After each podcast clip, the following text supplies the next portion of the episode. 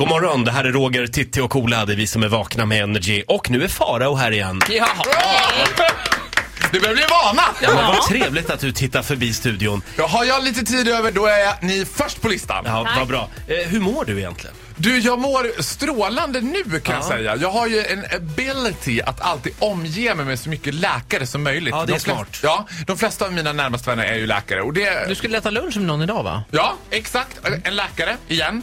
Förlåt, får jag passa på att efterlysa eh, en vän som gärna får vara läkare? Om du är läkare och vill vara vän med mig, Ja. hör av dig. Men alltså, det, där, det är inte så där man får vänner. Du har ju Nej. redan en Nej. vän med en slagborr, det är Ja. jag, som Ja. du alltid ska Just låna det, den där precis. jävla borren. Nu, nu söker jag bara en läkarvän också. En vän med, som är läkare. Ja, men gud vad fint. Jag ska se om jag har någon av mina läkarvänner över som vara Ska kan en förbarma läkare? sig. förbarmar Ska det vara sig. en läkare helt utan gränser eller kan han ha vissa gränser?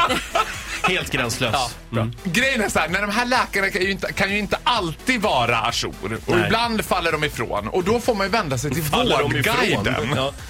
Har ni ringt Vårdguiden? Ja, så många gånger. Ja, det är ju så roligt varje gång jag ringer Vårdgarden. För jag, te- jag ser, visualiserar framför mig hur det här Vårdgarden ser ut. Jag tänker att det är folk som sommarjobbar i något så här stort eh, kontorslandskap. Och så sitter de med varsin tombola framför sig som de rullar så här. Och när det ringer då tar de upp en lapp som då antingen står Ja, jag tycker nog att vi ska vänta och se. Och så får du vänta och se. Eller står det, ja, du ska nog åka in akut. Ja. För allt- Då säger jag antingen åk in akut eller vänta och se. Och då tänker jag så här att jag skulle ringa till vårdgaren någon gång och säga så här.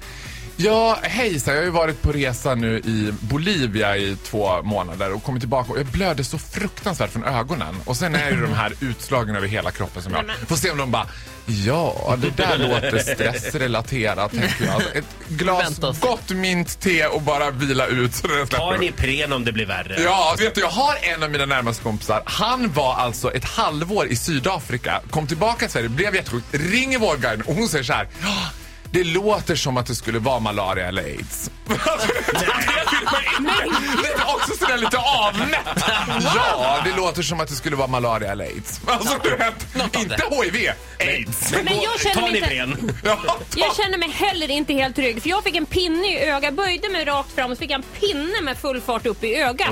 Ja, det, här Oh. Det var är en ju penis, men förr- vi, vi säger en penis. Tidigt förra våren. Jag kunde nästan inte titta, var helt röd. Så ringer jag Vårdguiden och så förklarar jag det här och sen så här, nej, du kan ta det lugnt hemma. Du vet, vare- om vi skulle säga till folk att åka in varenda gång de har fått en pinne i ögat. Det var hennes svar. Det är ju jättevanligt att man fick det. Och det är absolut inte farligt att sticka hål på hornhinnan. Man kan... Jag vill säga att jag ringde till Vårdguiden för två veckor sedan när jag k- blödde kraftig från ögonen. Nej, nä, näsblod. Och det ville aldrig sluta blöda.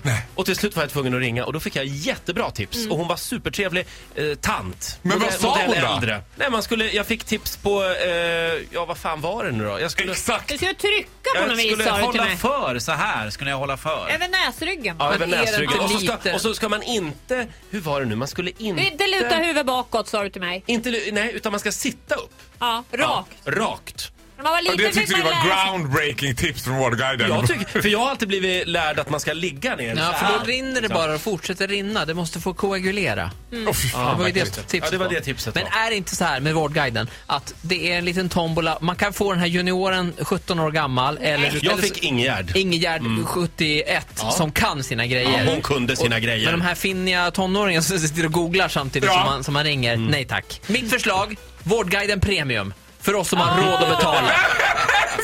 Finns det Vårdgarden Premium? Då kan du ringa måste Sofia-hemmet finnas. direkt kanske. Ja. Det är fantastiskt, det är liksom full stopp hypokondriker. Ringer man Vårdgarden Premium. Men du Faro, annars kan du ringa Titti bara för hon är i praktiken f- färdig läkare. Ja, det är väldigt nära nu. Ja men Titti är mer en själavårdare för mig. Jaså, jaha. Jaså? Mm. Titti okej. Mm. ringer mer än en själavård. Okej. Faro, gör det du. Lycka till. Eh, eh, tack för den här morgonen. Ja det var så lite! Du får en applåd av oss. Ja, hej då!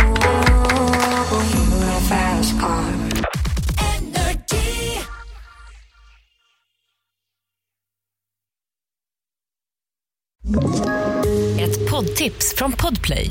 I fallen jag aldrig glömmer djupdyker Hasse Aro i arbetet bakom några av Sveriges mest uppseendeväckande brottsutredningar. går vi in med hemlig telefonavlyssning och, och då upplever vi att vi får en total förändring av hans beteende. Vad är det som händer nu? Vem är det som läcker? Och så säger han att jag är kriminell, jag har varit kriminell i hela mitt liv men att mörda ett barn, där går min gräns. Nya säsongen av Fallen jag aldrig glömmer på Podplay.